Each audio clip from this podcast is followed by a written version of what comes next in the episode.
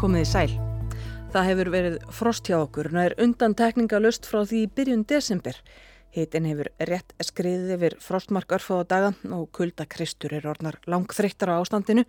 Það er ekki lust við að hugur fólks leiti enn og aftur til ársins 1918, heimsfaraldur, eldgós og frostörkur, en allt er þetta þó bara sínisorna því sem að gekka verið fólk hér fyrir rúmum 100 árum. En hvernig er samanburðurinn á þessum vetri núna og hinnum allræmda frostavetri 1918? Hvað gerðist þá og af hverju varð svona hryllilega kallt? Hvaða aðstæður þurfa að skapast til að það verði svona kallt aftur og eru einhverjar líkur á því að það hendi okkur sem að nú lifum? Og hver ekki eitthvað að hlýna? Ég heiti Ragnhildur Torlasjus og í þetta helst spáum við í frost, frostaveturinn mikla og um, frostaveturinn litla.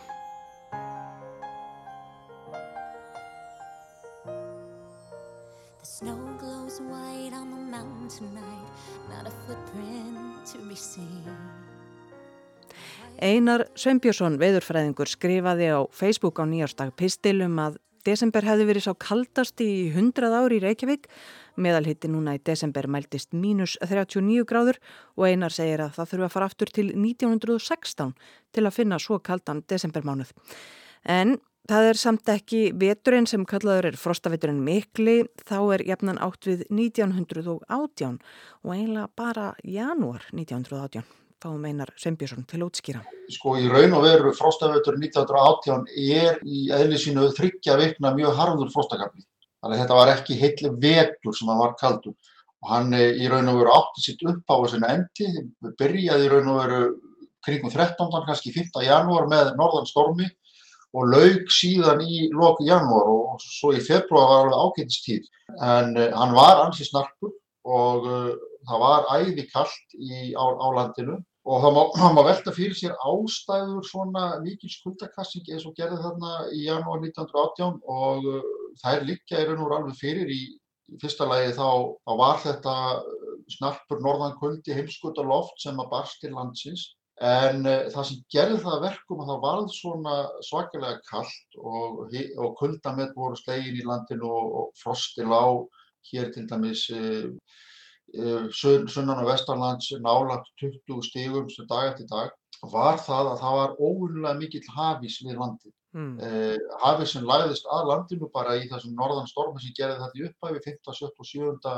janúar og uh, við verðum að átt okkur á því að þegar að hafísin er lagstur upp að öllu Norðurlandi frá Ísafjörðardjúpi og, og Östur á land að þá er landið ekki lengur eiga í miðju allansafi heldur framlegging af einu risastóru meginlandi. Það sem Ísbreiðan tengir saman Grænland og, og Ísland og við erum svona skægi frá þessu meginlandi og, og það er leðandi að, að eins og við höfum séð í norðanáttuna undarförnum að hún hefði geta verið miklu kaldari ef það hefði ekki verið opið haf hér norðurundan sem að vermir aðeins lofti, þetta tekur úr því mesta kuldabrotin. Þannig var það ekki 1918. Það er, má segja það að við fengum kuldan bara hreinræktaðan yfir okkur og þess vegna var það í raun og veru svona óbúslega kallt.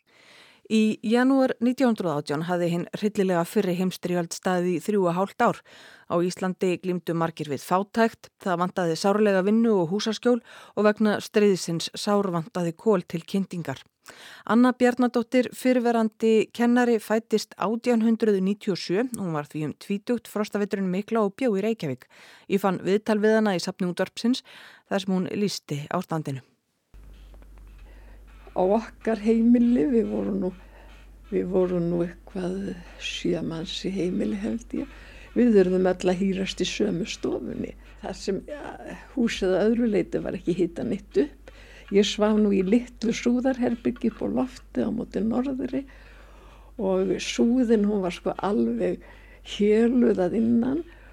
Loksins mæ, mældi ég nú hítan þann inn og þá held ég að það verið einst vera mínus átjárstíg og þá flýði ég sko inn til pappa og mömmu og, og bjóðum mig þar á gulvinu og flattsæng ég man nú ekki hvað lengi það var.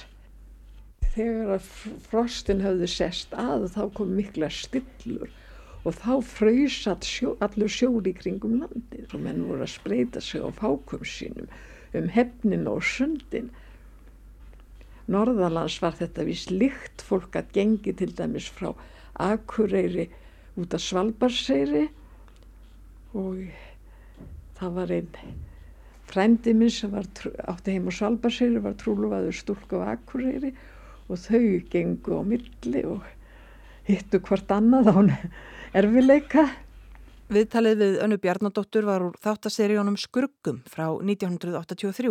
Egert Þór Bernhardsson, sagfræðingur og menningamiðlari gerði þættina. Hlustum á hann lýsa áhrifum frostsins og hafísins fyrir norðan land.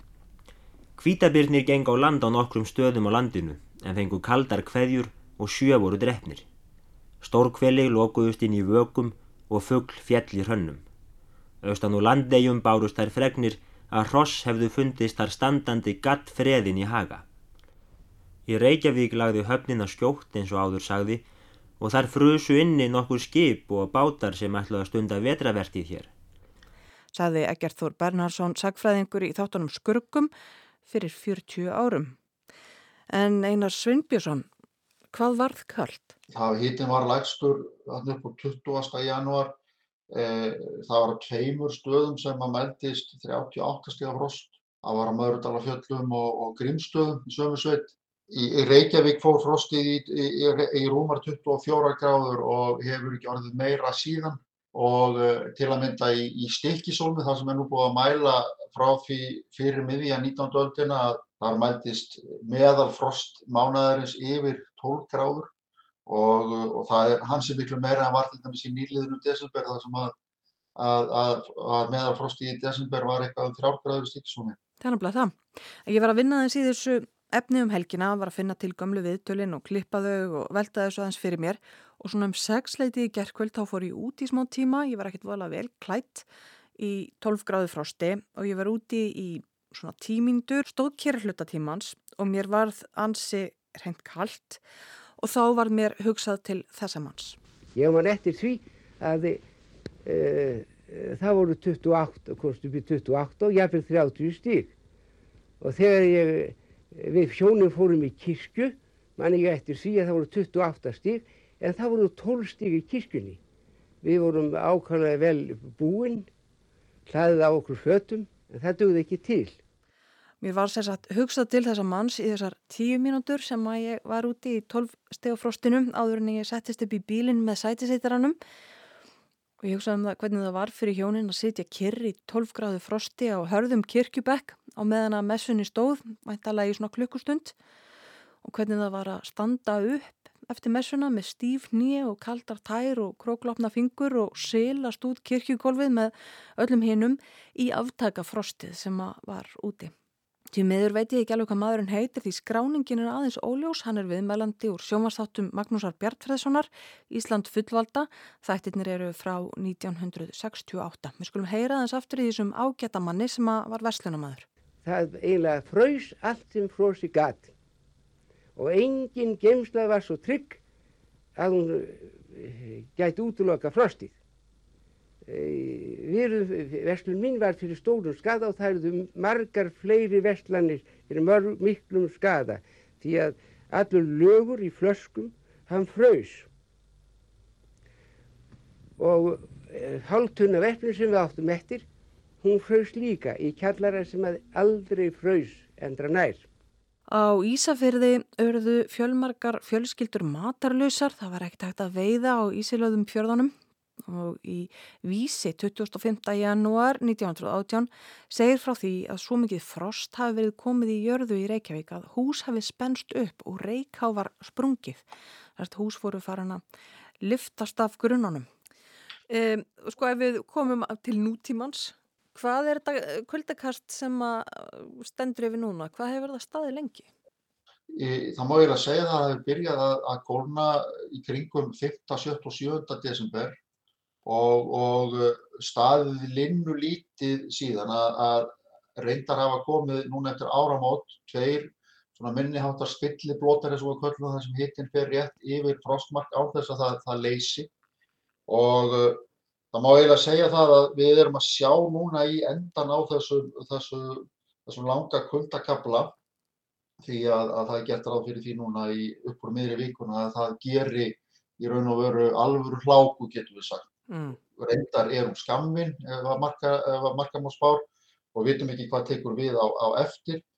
Mögulega er þetta bara uppbrott á, á enn lengri kuldakafla en við veitum ekki nú líklega að það, það séu nú einhverja breytingar sem við eigum í vældum í veðrun núna í þorra byrjun. Já, en, en það, þó að það sé langvinnur kuldakafli, þá hafa ekkit fallin einn met, er það nokkuð? Einn viti? Það hefur, það hefur alveg komið nokkuð og óvart að þrátt fyrir kuldan þá hefur ekki orðin eitt sérlega kallt á landinu. Eh, sko, hefur ekki skoðað þetta alveg nákvæmlega, en ég minnir að mesta frostið í, í þessum, í þessu, á, á þessu skeiði núna frá því byrjun desember hafi, hafi verið 28 stig mm. og, og, svo núna um helgina þegar hefur verið kallt á landinu þá hefur frostið ekki farið yfir 25 og í sjálfu sér er það sko aðtíklisvert að það hafi raun þó ekki orðið kaldara en þess er nú ekki alveg lokið og það getur nú alveg þess vegna verið svo að, að inn til landsins á norðusturlandi í Mývarsveitið inn á fjöllum og þá getur frostið farið í 30 stíl núna alveg í lokið hann ekkert næstu nótt eða aðfara nótt miðugtarsins. Já, þessi kuldamet, uh, þessi mestu kuldar núna um helgina voru þeir þar? Nei, reyndar voru þeir hér svo vestanlands. Já sem er, er líka dálítið sérstak sko að það var, var kaldast í Þingvallarsveit, það er svo sem ekkert óæðilegt við það en, en til að mynda að á norður og austurlandi að þar hefur ekkert orðin eitt svona verulega kallt þó að það hefur vissulega alltaf verið frost.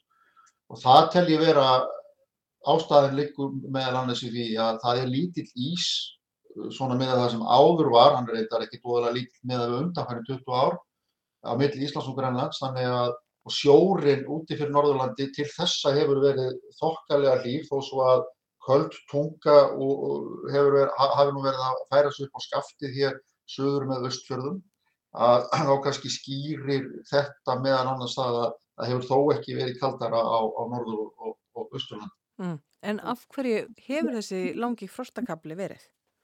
Það er bara vegna, vegna aðbreyðilega ströyma í, í, í, í hálóttunum eða hér í kringum okkur. Uh, lengi framan af desember að þá var fyrirstöðu hæð við Söður Grænland sem að beindi beilinus til okkar kaldast á loftinu á norðurkvæli jarðar beitt hérna yfir okkur. Og, og síðan hefur þetta gerst sko ítrekkað með einhverjum slíkum hætti og, og sama tíma þá höfum við ekki séð hérna til venjulegra vetarlæða það er, er renna allar hér fyrir langt fyrir sunnan land og inn yfir vestur Európa og Breitlandsvegar þar liggur nú svona helsta skýningin í þessu. Þetta eru, eru svona svipplur í loftringrásinni sem að geta ekki talist neitt sérstaklega óðurlegar. Nei. Svona öðbústlega leðilegur vetur eins og 1918, gætu við upplifa svona vetur? Í sjálf sér ekki. Forsendan fyrir því er í sjálf sér að hafís fari hér aftur vaksandi og hann er 19, sko, árið 1917 og 18 var hafís með allra mestamóti og heilu haftökin hérna fyrir Norðanlandið. Eh, hafís hefur verið að, að minka nokkuð línulega, nokkuð hérna, já, ábyggilega síðustu 30 árin og við höfum ekki orðið vörfið hafís hér við land í allangan tíma og langt síðan að síðasta landfastur og til þess að það verði svona óbúslega kallt þá þarf hafís að leggjast hér að, að landinu. Það breytir því ekki að við getum áframfengið getum áframfengið kabla og ég fær nokkuð langa kabla með þrálátum norðanáttum og kulda en, en hann er bara annars eðlis. Ég heiti Ragnhildur Torlasíus og þetta helst í dag fjallaði um frostaveturinn mikla og þennan núna sem ég ger að kalla frostaveturinn litla. Við heimst á morgun. Verðið sæl.